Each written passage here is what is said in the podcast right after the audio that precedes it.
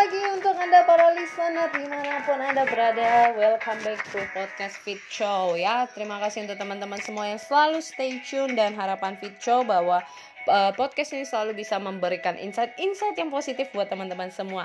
Dan kali ini Fitri mau berbagi cerita pengalaman pertama perdana menjadi seorang MC bilingual.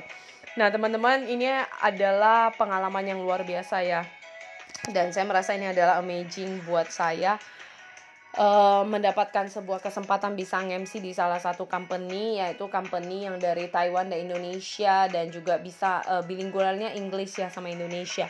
Dan teman-teman saya mendapat kesempatan ini luar biasa. Saya merasa ini semua karena kebaikan Tuhan buat saya sehingga saya bisa mendapat kesempatan ini.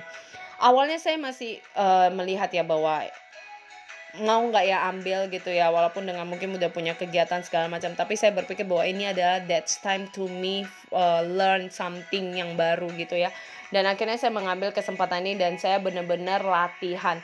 Nah teman-teman menjadi MC itu bukan sesuatu hal yang mungkin kamu sudah punya jam terbang, kamu sudah terbiasa dengan orang-orangnya, tapi setiap momen audiensnya itu selalu beda, engagementnya selalu berbeda, interaksinya selalu berbeda.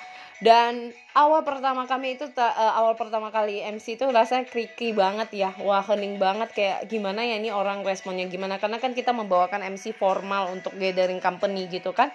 Nah akhirnya di tengah-tengah itu suasana mulai cair dan akhirnya ada sedikit door prize yang bisa mencairkan suasana dan satu hal yang saya belajar bahwa teman-teman kadang punya kesempatan itu adalah kita perlu melatih diri. Kita perlu mengambil kesempatan itu. Ingat melatih diri, mengambil kesempatan. Walaupun sehebat apa pun diri kita hari ini, tetaplah melatih diri kita karena hidup ini tidak pernah berhenti mengajari kita. Semoga ini bermanfaat dan boleh menginspirasi teman-teman semua yang kalau hari ini para listener Anda juga sedang galau mau ambil nggak ya? Aduh punya peluang di depan kesempatan.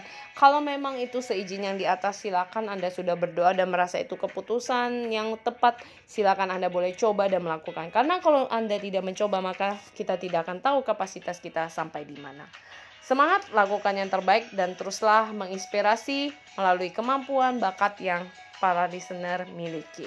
Have a nice day dan Tuhan memberkati.